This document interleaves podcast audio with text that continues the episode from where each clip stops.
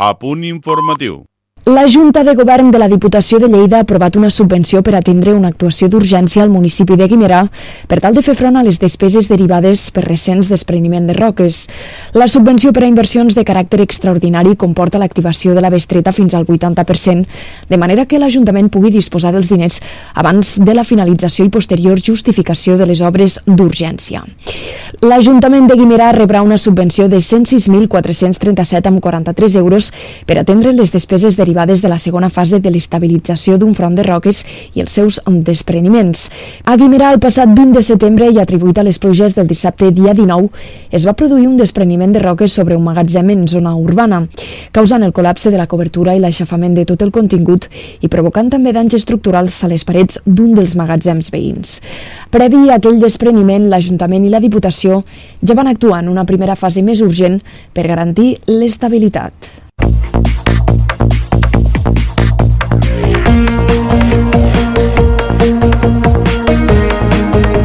Música, informació, la millor companyia. Tot ho tens a Ràdio Tàrrega.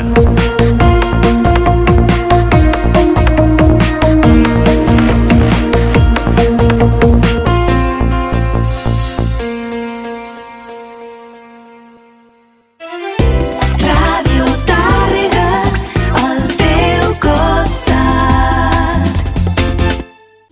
Ara, reciclant llaunes i ampolles de plàstic de begudes, pots reduir el CO2, donar oxigen a la teva ciutat i guanyar premis sostenibles. Uneix-te a Reciclos, el primer sistema de reciclatge digital que té cura de la sostenibilitat del planeta i de la teva ciutat.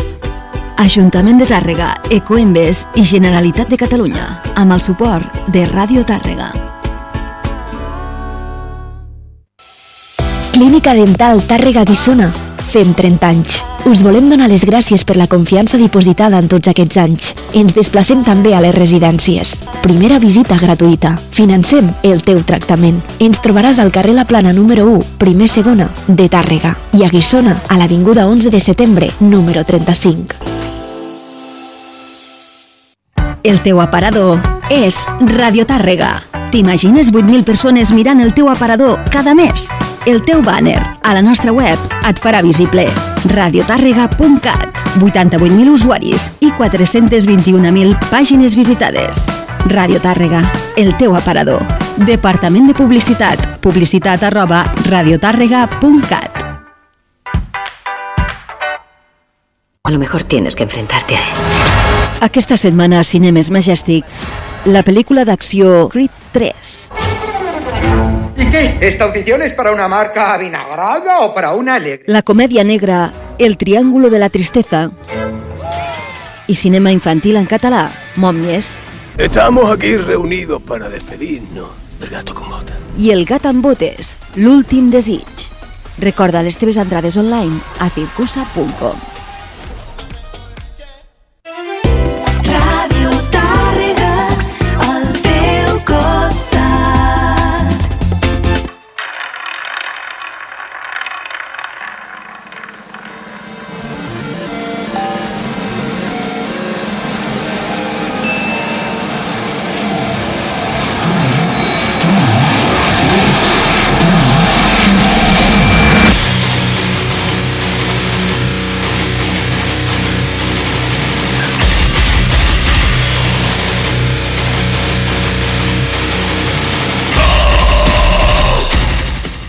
Bona nit.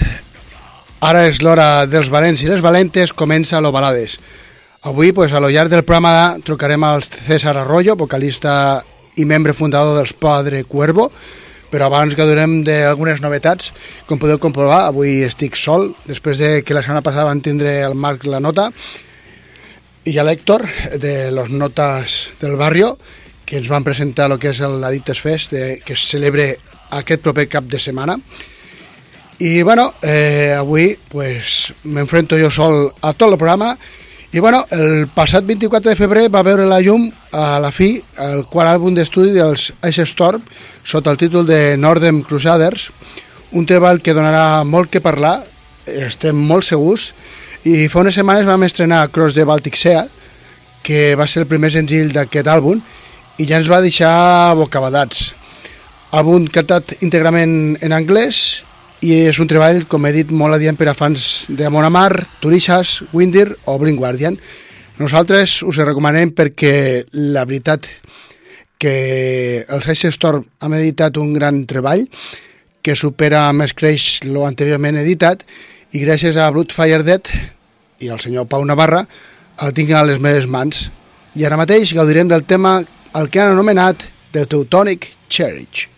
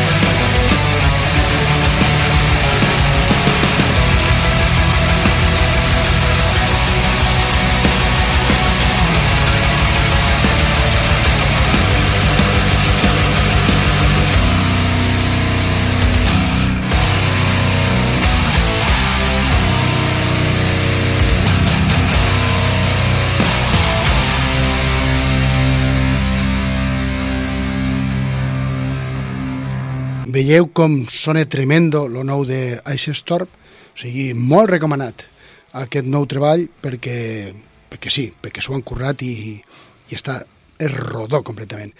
I bé, eh, estic molt content perquè els Ancient Sellers han, edit, han tret un nou senzill que pertany, que pertany a lo que serà el seu pròxim llançament, un EP al que han anomenat Transition, i deixeu-me que us faci una mica de memòria, si, perquè us en recordeu, que els Ancient Sellers van editar l'any passat el seu primer àlbum d'estudi, Our Last Eclipse, de Sellers Saga Part 1. Vam tindre entrevista amb ells. Nosaltres vam considerar que era de lo millor que es va editar al 2022 i doncs escoltarem aquest senzill que es va editar el passat 7 de febrer on col·labora el vocalista dels Empire Designs, Pincho Guayenta, amb el títol Mahi Nomen es Ira.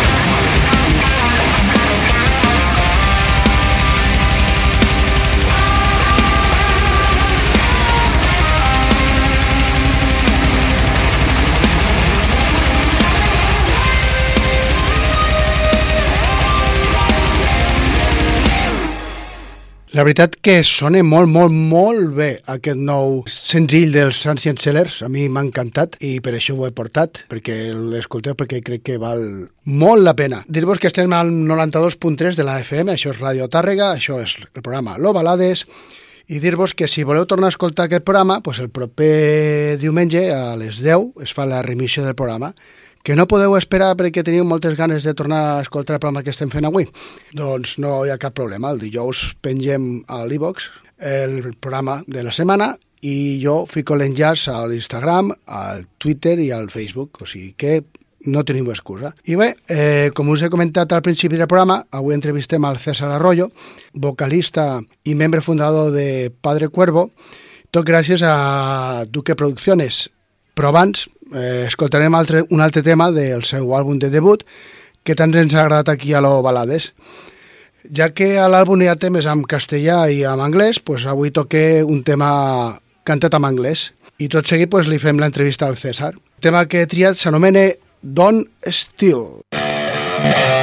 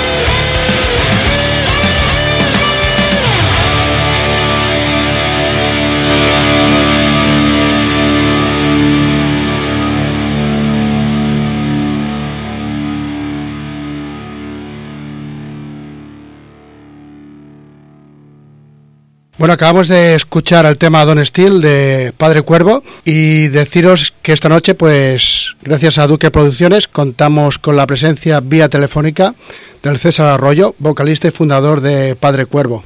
Buenas noches. Muy buenas noches, ¿qué tal compañero? Bien, aquí ahora súper encantado de poder hablar contigo. Ante todo, pues mira, quiero darte las gracias por prestarnos parte de tu tiempo. Bienvenido a nuestro programa Los Balades.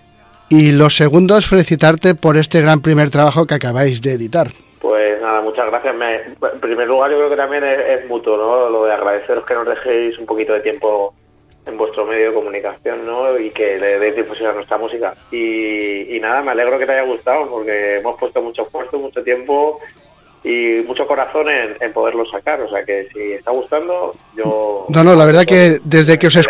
Mira, os escuché cuando empecé, sacasteis un par de sencillos en verano pasado, ¿puede ser? Bueno, de- casi ha pasado ya más de un año, porque sacamos Encrucijada en el 2021 finales, Sí. luego sacamos Cuckoo for Destruction, creo que fue, fue en mayo o algo así, sí. Sí, en mayo, Y- en mayo. Ajá. Gracias. Y el siguiente que ha sido este invierno, sí. Vale. yo soy fan de Padre Cuervo, pero te tengo que confesar una cosa. Sí. Eh, no, no, te, no, es malo. Vale, vale, vale. Eh, bueno, yo fui fan de los primeros álbumes de Nocturnia. Vale, O sea que ya, ya, ya nos conocías un poco. Algunos de los que estamos ahí ya nos conocen. Exacto. Y bueno, y también de los extintos Dulcamara. Eso también me lo... Generalmente cuando me pregunta la gente por la banda y eso, todavía... Y la verdad es que eso me enorgullece un montón también, porque la gente todavía se acuerda de Dulcamara y que incluso haya gente que me diga que lo sigue escuchando. O sea que... No, no, yo, lo- yo tengo los dos primeros álbumes y los sigo escuchando. O sea, a mí que me gusta la música, me da igual que, que haga 10 años que esté 20 o 30 o 40. Si es buena, se puede escuchar. Pues me alegro, me alegro que todavía tenga, hayamos dejado semilla, por lo menos. Sí, sí. Y bueno, cuando os escuché, ya te digo, los primeros sencillos, a mí me sorprendisteis bastante y estaba y estaba deseoso de, pues, de poder escuchar eh, lo que es el, el álbum, que ya por fin lo tengo, gracias a Loki Sánchez de, de Duque Producciones. Y la verdad que no me habéis decepcionado para nada. Mira, qué bien, Polines, pues eh, que muchas gracias, la verdad. No, y no, te, y no te estoy haciendo la pelota, ¿eh? que yo hace, bueno, ya tengo una edad y me gusta la música y si está bien hecha tengo que decirlo. Y si tengo la oportunidad de decírselo a- al artista, pues se lo digo, sin más, sin más, porque se lo merece, te lo mereces en ese caso. Pues muchas gracias, muchas gracias, porque hay mucho trabajo, como sabéis los que estáis en, en Sí. la radio, cada vez que habléis con los músicos, sabéis todo el trabajo y el esfuerzo que hay detrás. Muchísimo. O sea que, o sea que me alegra un montón, la verdad. Eh, ya que hemos roto un poco el hielo, ¿eh? ¿qué te parece si te hago tres preguntas clásicas del del programa y después nos metemos un poquito en materia? Venga, dale. Venga, pues comenzamos. Eh, ¿Cuáles son tus principales influencias? Eh, vale, aquí te, te- te abro dos caminos, ¿vale? Uno Venga. que sería quizá las personales y otra las personales, pero que, que tengan más vínculo con Padre Cuervo. ¿Cuál de las dos quieres? Porque al final, tres influencias principales. Mira, si, si habláramos de la voz, quizá eh, una de las personas que me- más me gusta como canta y siempre me ha gustado ha sido el cantante de Tranquility, Michael Ujú. Stein. Muy bien. También en su momento me gustó mucho, yo creo que empecé a cantar también un poco así, con voces rotas por, por Danny Field, no sé si es lo que se refiere a voces. Vale. Y luego de, de, yo qué sé, de rollo de música, pues pa- a, a lo mejor para Padre Cuervo, pues eh, aunque no se vea muy reflejado, pues Clutch, por ejemplo, que es una banda que no tiene mucho que ver con, está dentro del rock así más cañero, pero no es metal. Y hay un tipo que compone muy guay que se llama eh, Blues Saraceno, que hace Sí. cosas muy, muy ambientales, también muy rockeras, ha hecho también algún disco así un poco más metalerillo. Quizás sean grandes influencias un poco tanto de voces como de estilo musical para Padre Cuervo. Muy bien. ¿Y personal? Y personal, pues quizás las dos primeras que te decía, las de Dark Tranquility, eh, In Flames, eh, también My Dying Bride, así también me gusta mucho. Muy bien. Mira, concordamos bastante. Yo es que tengo un abanico, yo tengo un abanico muy, muy amplio de gustos, pero lo que se refiere a lo que acabas del metal más, bueno, extremo, si quieres decirlo, Sí. eh, coincidimos. Eh, ¿Qué o quién provocó que quisiera ser músico? Aquello de, pues mira, me voy a... Pues en mi casa que yo recuerde, aunque no se hablaba mucho de ello, mi abuelo creo que tocaba en una de estas bandas tradicionales de los pueblos, ¿cómo se Ujú. llaman las? eh, eh, no me sale ahora la palabra. Y en casa en general nadie tocaba ningún instrumento, entonces a través de, en el instituto lo típico que es cuando empiezas a meterte en líos diferentes, pues uno de mis compañeros de clase que yo siempre lo he dicho que se llamaba Ricardo, él tocaba la guitarra y íbamos a tu casa y a verle tocar la guitarra y dije, joder, pues yo también quiero y empezamos a tocar allí en su garaje, o sea, rollo americano total, tocando en el garaje de, de un amigo. O sea, que si alguien tiene la culpa de que yo cogiera guitarra, pues, pues Ricardo. Muy, pues mira, le estamos agradecidos. yo también, sí, sí. Eh, ¿Aún recuerdas cuál fue el primer álbum que te pagaste con tus ahorros? Pues sí, mira, y además creo que vas a flipar, por- o a lo mejor no, ¿eh? Ah, bueno. Pero en, en cinta, el Lose Your Illusion 1 y el Lose Your Illusion 2 Ah, muy bien. de Guns N' Roses. O sea, que fíjate si ha, si ha llovido. Ostras, pues si, si yo te dije lo primero que me compré, igual te caes de culo. Pues dime, dime. Yo el primer, el primer vinilo que me compré fue uno de Jimi Hendrix, Toma ya. recomendado por mi padre, y después, me, como estaba con el rollo así guitarrista, que entonces tendría 13, 14 años, me compré un álbum de Eric Clapton, y a- así empecé. Todo guitarras potentes, ¿eh? Sí, sí, a, a lo, a, lo, a lo ancho, yo a lo, a lo grande. Y después, bueno, el abanico se fue abriendo, se fue abriendo. Y bueno, yo voy desde el hard rock, bueno, desde el rock hasta la música más extrema. O sea que, mira si cabe música dentro. Sí, a mí me pasa también un poco lo mismo, o sea, que, que al final...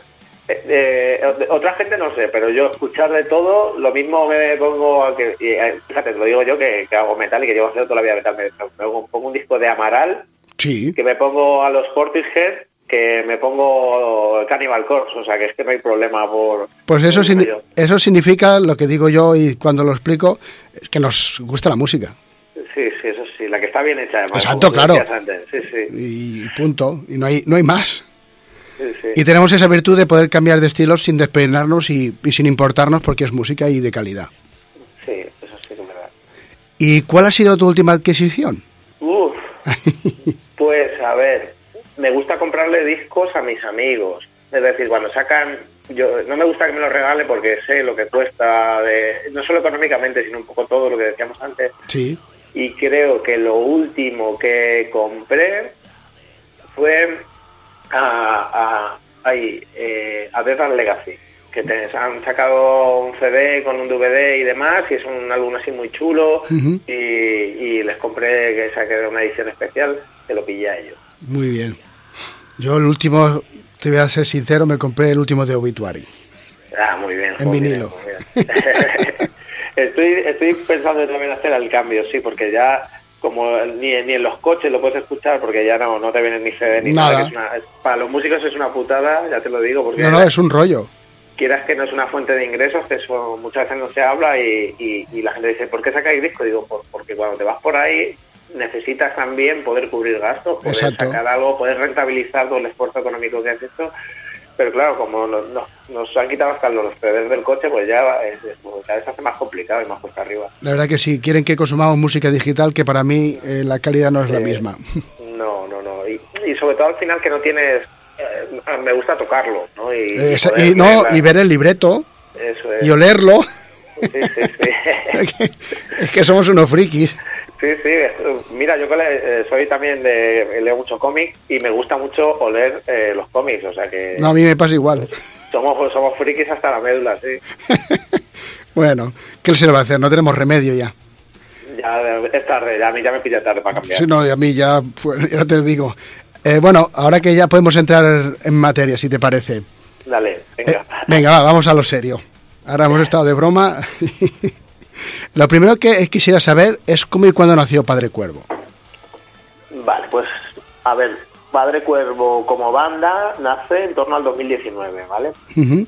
Si te digo la verdad, no sabría precisarte exactamente cuándo, pero es verdad que la composición del disco que sacamos Nocturnia, que era el Ceniza, Sí, eh, yo ya empecé a componer algunas cosas y decía, "Buf, esto no cuadra aquí, esto no sale en ningún lado. Yo me pongo a tocar mucho la guitarra pues, a lo mejor después del desayuno justo, o después de las cenas, o lo que sea. Entonces estoy tocando ahí y había cosas que no cuadraban, pero que me gustaban y las iba guardando. Tenía un montón de archivos y entonces pues llegó un momento que dije, mira, esto tiene que salir por otro lado. Entonces como banda en el 2019, pero quizá el nacimiento de la, de la música y de, la- de- de lo que es la simiente para la música empezó un, pelín antes, pero vamos, en 2019, que es cuando ya nos juntamos Ferdi, eh, José y yo. muy bien. Eh, ¿Cómo definirías el estilo de la banda? Pues yo qué sé, a ver... Por ponerle, que- por ponerle una etiqueta, ¿eh? Es eso, es lo que decías. que al final tienes que poner una etiqueta. Yo diría que tiene algo de metal, diría que también tiene algún ramalazo stoner e incluso también te diría que puede tener algún ramalazo rockero. Sí. Y en esos tres, en esa triada se mueve un poco. Bueno, eh, a mí me ha parecido una propuesta interesante, la verdad. Eh, a mí vuestro sonido le veo, un- a lo mejor estoy equivocado, ¿eh? Eh, influencia de la música americana. Sonáis, Sí, eso sí. sonáis muy potentes y la verdad que desprendéis muchísima energía. Eh, es una cosa, una de las cosas que me ha llamado mucho la atención. Y bueno, y que ha hecho que no pueda dejar de escucharos. Jolines, qué guay. ¿Vale? Porque claro, eh, eh, tú entiéndeme como degustador de música, eh, que estamos muy saturados últimamente con muchas bandas y mucho, mucha cosa. Y yo que estoy con el programa y me envían música y la escucho, y hay algunas que me sorprenden más que otras, otras me dejan indiferente, pero la verdad que desde que Loki me envió Padre Cuervo dije, madre mía, y desde entonces llevo escuchándolo, o sea que es señal, es buena señal, ¿no? Sí, sí, jolines, fíjate, por lo menos hay a uno al que le hemos engañado. ¿Ves? Y he sido yo. Eh, Eh, O sea, eh, suena potente. Fíjate que yo, cuando ya lo terminas y lo vuelves a escuchar, y yo lo escucho con los oídos míos, no Claro. con, los, con los vuestros, yo siempre digo, no nos habrá quedado un álbum demasiado medio tiempo, demasiado pausado, y, y luego me- tú me comentas y dices, suena muy potente, y ya me lleva como a decir, joder, pues no, pues sí que tiene caña. A Claro. veces lo pienso y, o sea, no sé. es que el- un álbum para que sea potente no tiene que ser rápido, creo yo. Sí, sí, sí. sí, Y a sí, tener- la razón. Al tener unas guitarras gruesas como tenéis y no sé, y ese sonido un poquito sucio, es, es, es maravilloso. es maravilloso. Eh, te, sal- te sales de, de, lo, de lo que, es- al menos de lo que yo voy escuchando y de lo que va sonando por, por ahí, ¿vale? Y haces algo tuyo y más, más personal. Porque Porque es una persona, sí, eso sí. eh, sabes tú como músico que te pones, por ponerte algo, te pones el YouTube te pones un de esto y muchas bandas suenan casi iguales. Mm. Cuesta bastante diferenciarlas y a vosotros yo creo que enseguida se os va a diferenciar y apartar de- del resto.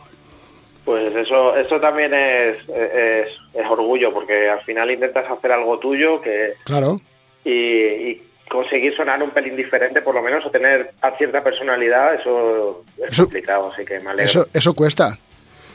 Eh, ¿qué, tal, ¿Qué tal está siendo la acogida de vuestro álbum? Pues, a ver, sinceramente, Sí. de momento va bien, va bien, va bien, porque la gente es verdad que, que está encontrando un álbum que, como tú comentabas antes, que es potente, que es variado. Eh, también se sorprende por el tema, todo el mundo me conoce por Nocturnia o por, sobre todo por Dulcamara, por- Ujú. incluso por Will Fall, el- el- la agresividad de las voces. Y aquí es verdad que son agresivas, pero han bajado algo de revoluciones. Incluso hay temas donde intento eh, cantar un poco más el limpio y demás. Entonces eso también le llama la atención a la gente. Y luego pues que hay pasajes también muy ambientales. Entonces al final hay una variedad ahí que hace que la gente lo haya recibido, pues eso, con cierta como algo diferente y además que tampoco cansa en exceso. No, no. O sea, mm, ya te digo, no te puedo decir otra cosa. Ya, yo creo que desde que hemos empezado Sí, sí, Te lo- lo agradezco. Te lo he comentado y yo creo que es así. Mm, ¿Puedes tener malas críticas? Sí, hombre, siempre hay alguna, algún músico frustrado que se dedica al periodismo y te pondrá a caer de un burro. Pero mm, eh, a eso estamos expuestos todos, también pueden decir en todo. O sea que, No, de momento van bien, las críticas van bien y la gente que lo está viviendo en directo también, también está contenta. Eh, ¿qué proceso sigues a la hora de componer un tema? Pues eh, ha- hago dos cosas. Una es tocar cosas que no son del género nuestro, por decirlo así. Toco mucho en casa, pues, intento sacar canciones, hago también algo de música clásica con, la guitarra, sacando canciones de, de, otra gente y luego ya pues me dejo un poco llevar y cuando ya creo que tengo una idea que sí que tiene enganche, pues intento trabajarla y ahí ya me centro para ver cómo poderla desarrollar, cómo convertirlo en estribillos o en zonas o en música un poco un riff, un referente o algo así. Y luego ya una vez que está hecho más o menos la estructura, eh, lo comparto con los compañeros y ahí está José que arregla las baterías porque ya es un tío que tiene un recorrido brutal. Y luego está Ferdi que, que como arreglista, bueno, como guitarra solista y, y- y arreglista, pues es un fiera y, eh, y- le dan también pues ese toque ese toque que ellos saben aportar. Entonces la- los temas van más o menos cerrados o prácticamente cerrados, pero es verdad que sin ellos sería imposible tener temas eh, como los que suenan ahora. Eh, su- bueno, creo y supongo que tú te haces cargo de las letras. ¿De dónde surge la inspiración? Pues igual que hay músicos frustrados, hay escritores frustrados. y si has leído un poco las letras, verás que al final parece como pequeños cuentos o algo así, o como pequeñas historias. Entonces yo soy un escritor frustrado y un poco pues siempre me gustan las historias de terror, las historias inquietantes y aquí pues me, me apetecía contar... Es verdad que no todos son pequeños cuentos, pero bueno, sí, pues... eh, eso, pe- pequeñas narraciones, así un poco oscuras, tétricas, ¿no? Y, bueno, pues de ahí salen las letras y, se van construyendo en función de lo que te pide también la canción. Eh, otra cosa que me ha sorprendido es que en este primer álbum combináis las letras en castellano e inglés. Eh, mi pregunta es, ¿va a ser una dinámica en vuestros álbumes, en lo- bueno, en vuestros próximos álbumes, o en el próximo daréis paso todo en inglés, o dejaréis el inglés, o es algo que como vaya surgiendo? Pues más bien la opción de cómo vaya surgiendo, pero tengo claro que el castellano no lo voy a dejar, porque eh, em, la, la gente me lo ha pedido mucho en castellano también. Eh, o sea, los temas que también la gente refiere como que más le están gustando son los que están en castellano. Pero tampoco les prometo que vaya a ser todo en castellano, porque este disco se ha construido en base... Yo he dicho, mira, ya está, esto es mi espacio, voy a hacer lo que me dé la gana aquí, y según lo Ujú. que me fuera pidiendo, pues así he ido haciendo una cosa u otra. Y al final ha salido esto, que yo estoy contento porque tira un poco de todo, y al final creo que el, el- el idioma encaja muy bien con el sonido casi de, de cada una de las canciones. Sí, Y sí. eso me, eso me ha gustado. Ahora las intento cambiar y decir cómo sonaría y me da, me da la sensación de que no sonarían igual. Bueno, puede ser. Hombre, del, por ejemplo, del castellano al inglés no sonarían igual, no tienen la misma igual potencia. No, sí, sí, es verdad que... Y, y además es cada tipo de... Cada idioma tiene, tiene su complejidad a la hora de escribir las letras. ¿eh? Que el castellano es súper complicado. No, no, y la fonética Sí, sí, eh, también es complicada. Pasar una canción del inglés al castellano también cuesta lo suyo. Mm, Tenemos formas diferentes de expresar la misma cosa. Sí, sí, joder, eh, los americanos, bueno, en inglés con, con una frasecilla dices un montón. Y Exacto. hasta que hasta que la puedes construir con el mismo significado, te puedes morir. pu- puedes escribir un libro. Sí, tú verás. Eh, para los fans que no controlamos eh, mucho el inglés, eh, ¿de qué tratan las letras en el idioma de Shakespeare? Que contiene... Vale, vamos a ver. Eh, Don Steele, que acabas de poner, por ejemplo, Sí. yo hi- hice un pequeño cuento, tengo algunos cuentos ahí sin publicar y eso, y uno de ellos hablaba un poco de un padre que le va dando unas lecciones a su hijo de lo que tiene que hacer en la vida. Y un poco lo que le dice es que no tiene que robar las armas, es en el oeste, ¿vale? Y entonces lo que le dice es que no tiene que robar las armas a los muertos, porque cuando tú matas a alguien y te llevas tu, su arma, como que te llevas también un poco los demonios que él tiene, Vale. Sus historias eh, chungas, te las llevas contigo. Entonces, Su karma, sí, te lleva, te lleva su karma. eso. Claro, entonces el giro de la historia es que el padre se lo está intentando decir al hijo mientras el hijo lo está matando a él porque Vale. él pega a su, a su madre. Entonces le mata con el mismo arma que el padre está atacando a la madre, con lo cual al final la historia se va a ir repitiendo porque se lleva el arma del padre. Exacto. Bueno, es un poco... Bueno, está bien, es interesante.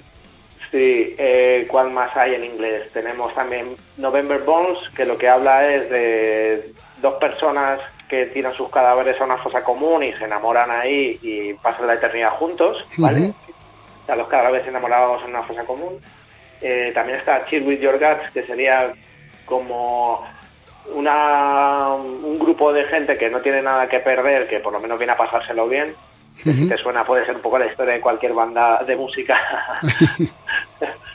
¿Y cuál más hay en inglés? A ver, que no tengo el libreto. Eh, mira, You Can Escape from Hell. Ah, bueno, eh, esa sería también más un... Puedes intentar hacer lo que quieras, que al final siempre vas a acabar siendo El quien malo. tú eres. Sí, ¿no? Sí, el malo y un poco... Al final tienes que aceptar que, que eres un poco... Pues, tu propio infierno lo llevas tú, por mucho que intentes esco- esconderlo y demás, que al final eres tú. Y The Cookbook of Destruction. Y esta es un sería como una receta para para pues un poco para la venganza, para la destrucción, ¿no? Y te va explicando paso a paso cómo se cocina un poco la rabia y demás. Y bueno, la última creo que es What Owe You. Ah, What I Owe You, que es uh, fí- fíjate, esa que la nosotros la llamamos la bluesera, Vale. pero de blues No porque tiene- tiene un ritmo así un poco raro y demás.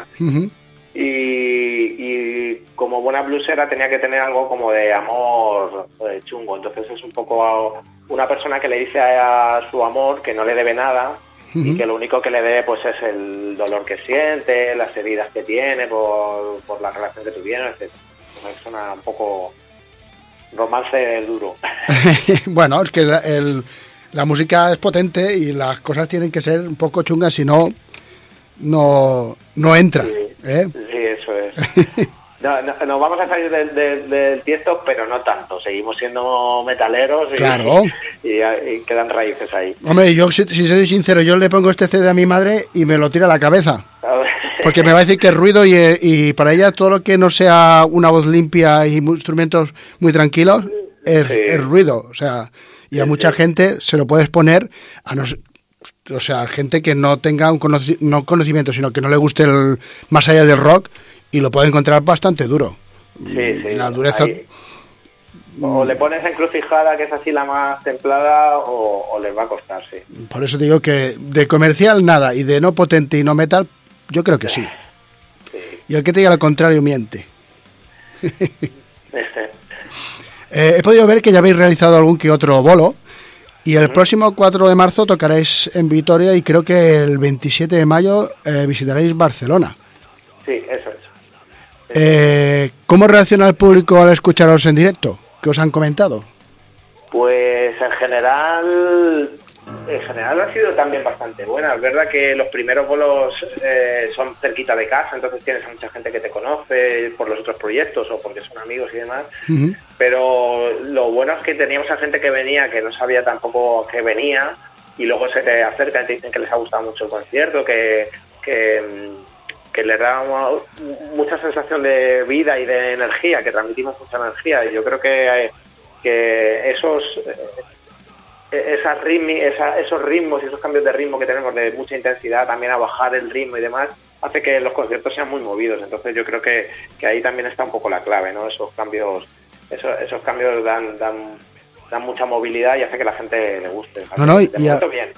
Aparte de lo que tú me estás comentando, que la gente recibe mucha la energía que desprendéis, significa que tanto el, vuestro directo como el álbum es, es una copia exacta una cosa de la otra.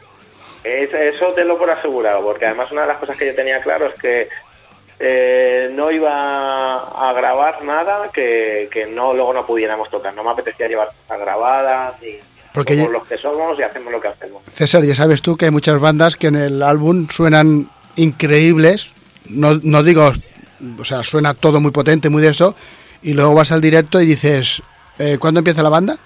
Ya, ya, sí. Porque me a mí me ha pasado alguna vez y dices, hostia, qué decepción. Sí, suele pasar. Nosotros, nosotros nada, lo teníamos además así hablado también, que queríamos que el álbum sonara lo más fiel a quienes somos y ahí hemos lo, lo hemos cumplido, vamos. Sí, sí, lo habéis, lo habéis conseguido. Sí, Eso significa también mucho, porque quiere decir que sois buenos músicos. Ay, bueno, para lo que hacemos sí, a lo mismo hay algún músico que lo oye y dice esto está chupado, pero bueno, para... Bueno, hazlo tú. para- eso es, eso es. ¿No? Sí, sí, total, Yo, totalmente. yo me acuerdo cuando era más jovencito y tenía amigos con bandas, ¿vale? Que siempre venía el típico que, bueno, que era batería o que era guitarra. Y venía, ah, pues esto lo podéis haber hecho mejor, porque no sé qué, porque yo... Pero no lo estás haciendo tú, lo estoy haciendo yo. Claro, eso es. El, el típico músico, el músico que se queda por detrás, que no se mueve y solo juzga, ¿no? Sí. Eso, eso lo hemos visto todos, sí. Y dices, pues vale. Entonces, pues por eso te digo. Eh, Bueno, eh, por suerte, eh, en este país cada vez tenemos más bandas de metal, pero el gran problema que tienen es que las salas escasean y suelen a- abusar de las formaciones poco conocidas. Además, cuando se programan conciertos de bandas locales o nacionales, muchas veces hay poca afluencia de público. ¿A qué crees que se debe?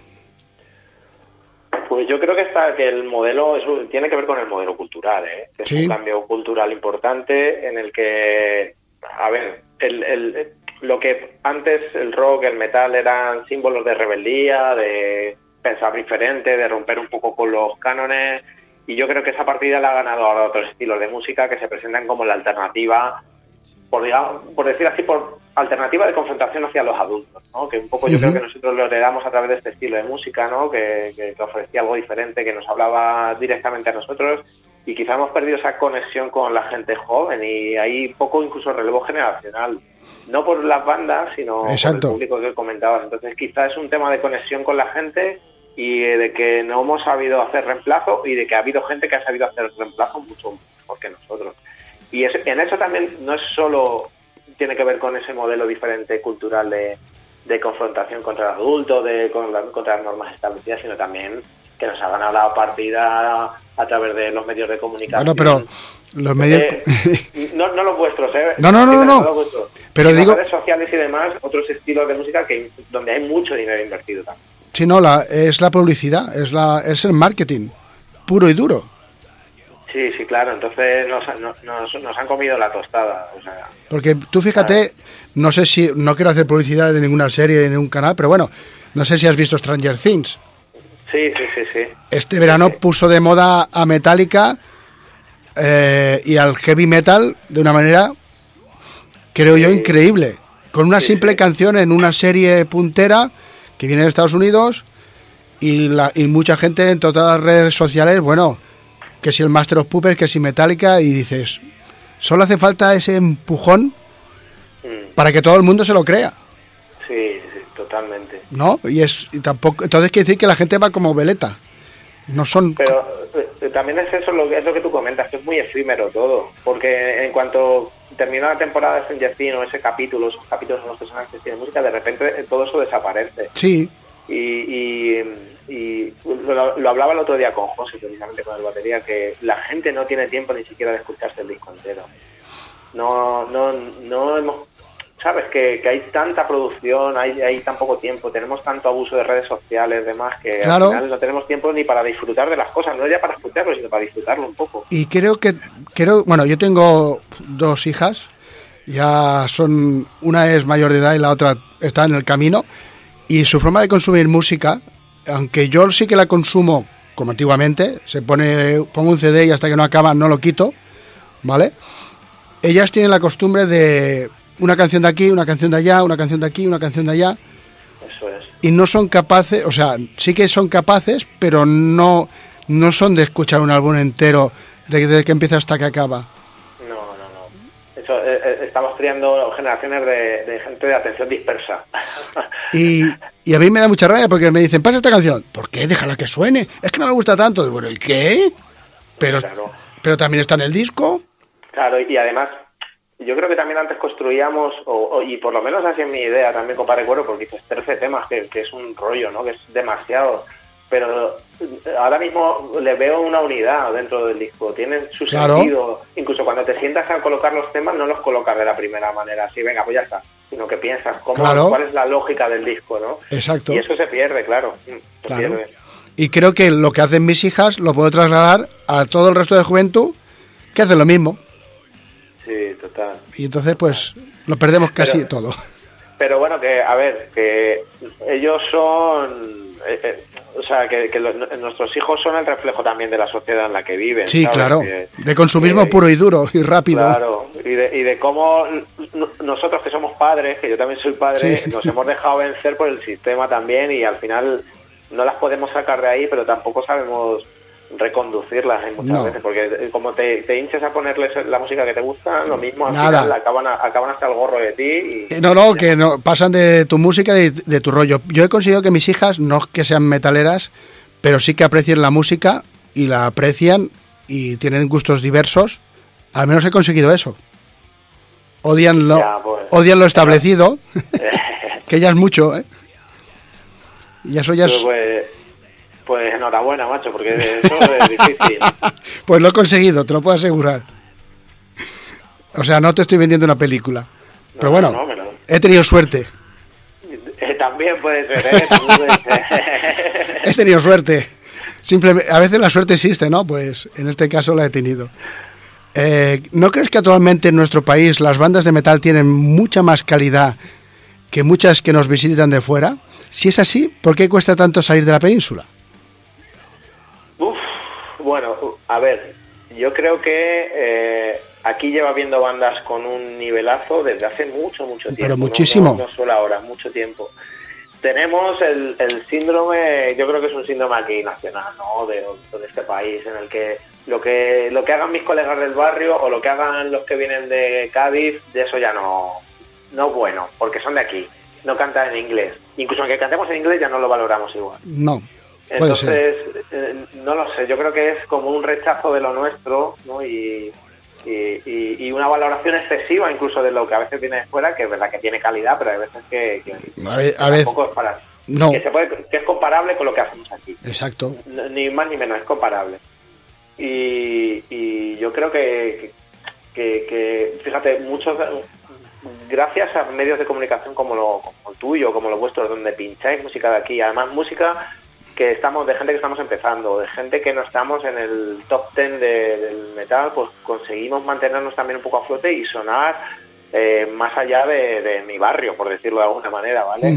Entonces, vosotros sois también un poco responsables de que al final haya algo de movimiento dentro de la música. Y, eh, y, y vamos, eh, eh, tenía dos partes la pregunta, me has dicho, que por que- por qué no valorábamos lo de aquí, por qué era tan difícil salir. Sí. Pues yo creo que, que está claro, que Sí, tiene ¿no? que ver con la, con la pasta. Vale. Sí, no, yo Hola. también... Tiene que ver con que tú puedas hacer la inversión de, de irte y saber que en general, eh, no sé si, imagino que sabes cómo funciona el circuito, ¿no? Sí. Pues que compras un slot y compras un hueco en un festival fuera o te vas de gira con una banda que es un poco más grande para poder acceder a más público, pues todo eso vale dinero. Vale el dinero de meterte en ese circuito y vale el dinero de tirarte 15 días girando por ahí.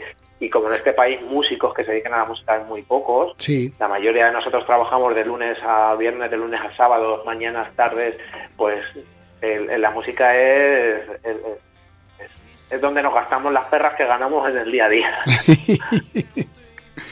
Bueno, pero siempre que... Bueno, eh, es una triste realidad de este país, porque pero aún así bandas, por ejemplo, te pongo un ejemplo, ¿eh? como Crisix o Angelus Apátrida, ¿vale? Que se han, se han corrido eh, Europa, incluso han, han saltado el charco y se han ido a Estados Unidos y aún así les cuesta mucho de hacerse ver. Sí, vamos. eh, una Es bar- lo que- Perdona, perdona, termina. No, no, y, y, y- y, por ejemplo, yo por ejemplo Angelus Apátrida, que considero que son muy buenos músicos y hacen un trash de mucha calidad y que muchas bandas que vienen de fuera o que son novedad ahora tienen copia de su sonido, tienen más hueco que ellos que llevan pateado Europa y parte de Estados Unidos muchísimo más. Pues no, no, lo sé, yo creo que es como el síndrome ese de- del impostor a veces también, yo creo, entre los músicos, ¿no? Porque, vamos, yo creo que tanto Angelus como Crisis, como incluso Sociedad Alcohólica... Por ejemplo. o sea, hay un montón de bandas que, que, que son referentes para todos nosotros que hemos empezado y que, o- que lo llevamos escuchando años y cómo lo han hecho y cómo lo han trabajado y sin embargo en este país lo tienen muy complicado. Complicadísimo. Sí, es muy complicado, pues, por no, yo qué sé, es, que es, muy- es tan difícil saber a- al final todas las causas y poderlas desgranar, pero bueno, yo creo que parte puede ser por el tema, tema cultural, un tema económico, desde todo un poco. Eh, César, no sé qué pasa, pero siempre nos quedamos sin tiempo en este programa. ya lo siento, que a lo mejor me he enrollado yo mucho. No, ¿eh? no, no, no, si yo encantado, si lo único que me falta es la cerveza tenerte enfrente. pues sí, mira, para la próxima. si nos pillas cerca, ¿eh? Eh, mira, decirte que ha sido un placer poder charlar contigo y conocerte por fin después de tantos años de, de escucharte. Eh, gracias. así que solo me queda agradecerte que nos hayas prestado parte de tu tiempo y desearos muchísima suerte en esta gira de presentación de vuestro primer trabajo. Y me gustaría pues que para acabar la entrevista y el programa de hoy escogieras una canción de este álbum de Padre Cuervo y que tú mismo la presentaras. Vale, pues mira, eh, en primer lugar darte las gracias, ¿vale? Porque lo que te comentaba antes, los medios de comunicación son los que nos permitís sonar más allá de, de circuitos a lo mejor más pequeños o de, de las redes sociales y demás. Yo creo que hacéis una labor que no está que no está pagada ni reconocida. Y Y yo te agradezco, ¿eh? que me veas así. Sí, sí, porque, joder, además es que lo, sé también por Nocturnia, que es un poco más quien asume todas las tareas de, la difusión y demás. Y es un currazo el que os metéis, porque no solo es escuchar el, disco, sino también valorarlo, es, eh, hacer las críticas y eso no, eso se, no se ve desde fuera, mucha gente no lo quiere ver desde fuera, pero bueno, que, que lo sepáis que tenéis todo nuestro apoyo, igual que nosotros tenemos el vuestro, que lo sabemos. Bueno, y que sepas, César, que el, el programa Los Balades está para lo que necesitéis. Pues muchísimas gracias. O sea que si yo, bueno, luego te contactaré contigo con mi teléfono si quieres y lo que necesitéis, si quieres publicitar algo, si quieres, yo que sé, lo que sea, eh, podéis contactar conmigo a través de Instagram o de Twitter, ¿vale? Y yo encantado de poder ayudar porque me gusta la música y me gusta ayudar a los músicos, que para eso está este programa, para ayudar a los músicos. Pues muchas muchas gracias, tío. Y, y- y nada, te, te tomo la palabra, ¿eh? O Sí, sea, sí, sí, no. no- Yo no te la doy en mano. O sea, no, Vale. no, no te la doy por... Ah, mira, voy a quedar bien con César. No, no, no. Yo lo digo en serio, de verdad. Estoy para... Para eso creamos el programa. Para ser un altavoz de, la, de los músicos. Pues muchas gracias. Pues mira, eh, quiero que pongas el disco, el tema que abre el disco, porque además fue el primer tema que yo compuse eh, y que ya supe que era de otra cosa. Es el primer tema que me salió, es el primer tema que quedó cerrado, que es La Soga. Exacto, Y tremendo. que yo dije, este tema no cuadra aquí, pero esto tiene que cuadrar en algún otro lado. Es cuando me di cuenta de que empezaba a hacer cosas que estaban un poco ya enfilando para lo que sería Padre Cuervo. O sea que la soga yo creo que cuadra muy bien. Muy bien, pues César, lo dicho, un fuerte abrazo y a ver si uno de estos días que os acerquéis por Cataluña, si venís por Barcelona, a ver si puedo ir en mayo a veros, Ojalá. que sería, será un placer grandísimo poder estar con vosotros y escuchar vuestra música. Muy bien. Pues, Pues- muchísimas gracias a ti y a tus oyentes. Mu- muchas gracias, nos vemos. Venga, un abrazo.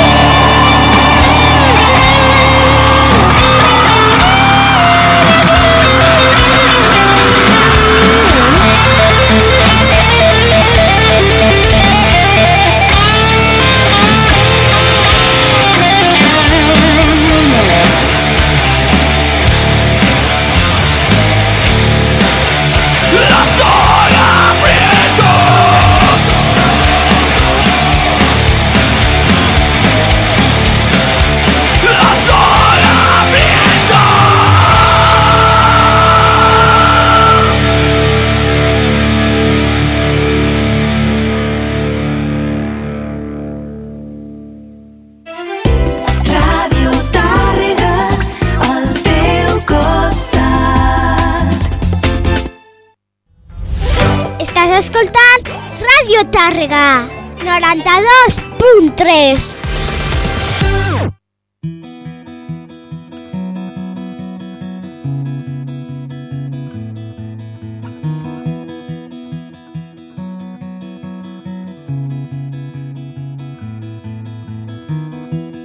Ara que fos tota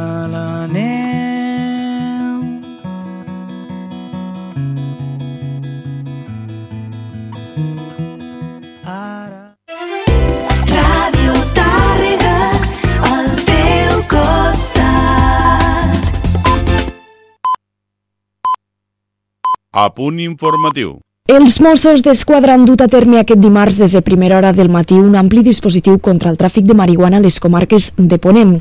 Fons policials han apuntat que els agents s'han desplegat per tres partits judicials diferents i que han fet una quinzena de detinguts. En concret, s'han desplegat per la ciutat de Lleida, municipis del Pla d'Urgell, també a la Noguera, les Garrigues i l'Urgell. Han fet entrada a diferents domicilis i locals on hi hauria droga, principalment marihuana, però també altres substàncies que encara estan per determinar. L'operatiu coordinat per l'àrea d'investigació criminal de Lleida encara està obert i no es descarten noves detencions. Segons fonts de Mossos d'Esquadra consultades per Ràdio Tàrrega, entre altres, el dispositiu s'ha desplegat aquest dimarts al municipi de Guimerà. Segons ha pogut saber la nostra emissora, també s'ha desplegat al municipi de Verdú. La Confederació Hidrogràfica de l'Ebre preveu restriccions a l'ús de l'aigua en la campanya del regadiu, però també altres usos no econòmics o no agraris, com l'hidroelèctric davant l'actual situació de sequera. La situació de la Conca de l'Ebre a Catalunya és la que té les pitjors perspectives, segons ha afirmat la presidenta de l'organisme, María Dolores Pascual. no es buena. Y además es verdad que la situación en el Ebro, en toda la margen izquierda, toda esta temporada pasada no ha sido buena, pero ha habido frentes que han entrado por la cabecera de la cuenca y que han permitido a algunos sistemas mejorar un poco. Esos frentes no han llegado a la cuenca del Segre, no han llegado a la zona catalana del Ebro y por tanto eh, podría decirse que es la- el territorio que peores perspectivas tiene. En aquest sentit, ha apuntat que el mes de març serà determinant per prendre decisions. Restricciones al regadío ya las hay, o sea, y bueno, pues lo único que tendría que llover muchísimo en el mes de abril y mayo, ¿no? Yo creo que agronómicamente ellos son, eh, son, son más conocedores de la pluviometría de esta zona que, que- que los demás, pero eh, bueno, pues ciertamente yo creo que hay que ya plantearse eh, restricciones. eh, hay que prever que la situación no es buena, si luego mejora, pues desde luego a mejor es más fácil ir. Y yo creo que mm, el mes de marzo va ser determinante. Davant d'aquest panorama, Pasqual ha dit que la Che està en contacte permanent i en vigilància per les zones crítiques, com pot ser la Conca del Segre, que està en situació d'emergència des de fa molts mesos. Els contactes es mantenen amb la Generalitat, tant pel que fa a l'activitat agrària com també amb l'Agència Catalana de l'Aigua i els usuaris. Al març hi haurà les juntes d'explotació dels diferents territoris de la Conca de l'Ebre i allà es prendran les decisions més rellevants. De la seva banda, el president de la Comunitat General de Regants dels Canals d'Urgell, Amadeu Ros, ha recordat que els pagesos han apostat enguany pel cultiu de cereal d'hivern a un 50% de la zona regable. pagesos també són intel·ligents, saben les informacions que vosaltres us agrada donar per la tele, del pantano de Rial 8, sec, no? També ho saben, i llavors han apostat per cultius de cereal d'hivern amb un 50% a tota la zona regable. Aquest cereal tenim aigua per regar aquest cereal i si plou una mica de vegades el, tema de l'ordini s'arrega. Però aquest cereal al final de maig s'acaba de regar. Ahir s'acaba, ja no s'arrega més, veurem els pantanos, o si hem tingut sol a la primavera, veurem l'aigua que hi ha, però quasi bé segur que amb aquest 50% només ens quedarà l'altre 50% per de llances per salvar tots els cultius. La Che ha elaborat una estratègia per la millora de la biodiversitat a l'àrea regable dels canals d'Urgell de la mà de la Universitat de Lleida. La presidenta de l'organisme l'ha presentat aquest dimarts a Mollerussa. L'estratègia compta amb una inversió de 3 milions d'euros. L'objectiu és millorar l'estat ecològic dels cursos i les masses d'aigua, també la creació d'espais com entorns per a espècies de flora i fauna de ribera i la millora de la connectivitat fluvial del Segre. Els canals d'Urgell tenen una superfície regable de 75.000 hectàrees distribuïdes entre les comarques del Segrià, el Pla d'Urgell, la Noguera, les Garrigues i l'Urgell.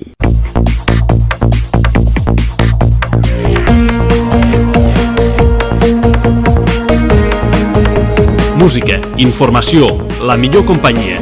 Tot ho tens a Ràdio Tàrrega.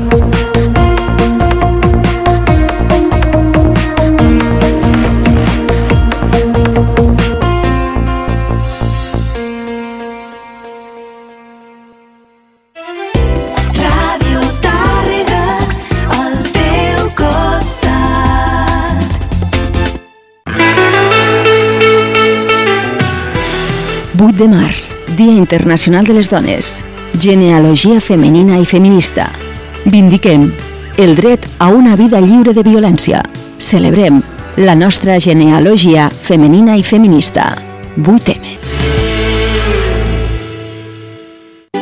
Cambra de Comerç de Tàrrega, al servei de les empreses. Servei de registre de patents i marques, assessorament tècnic i informació sobre la protecció jurídica dels títols de propietat industrial i protecció dels drets de la propietat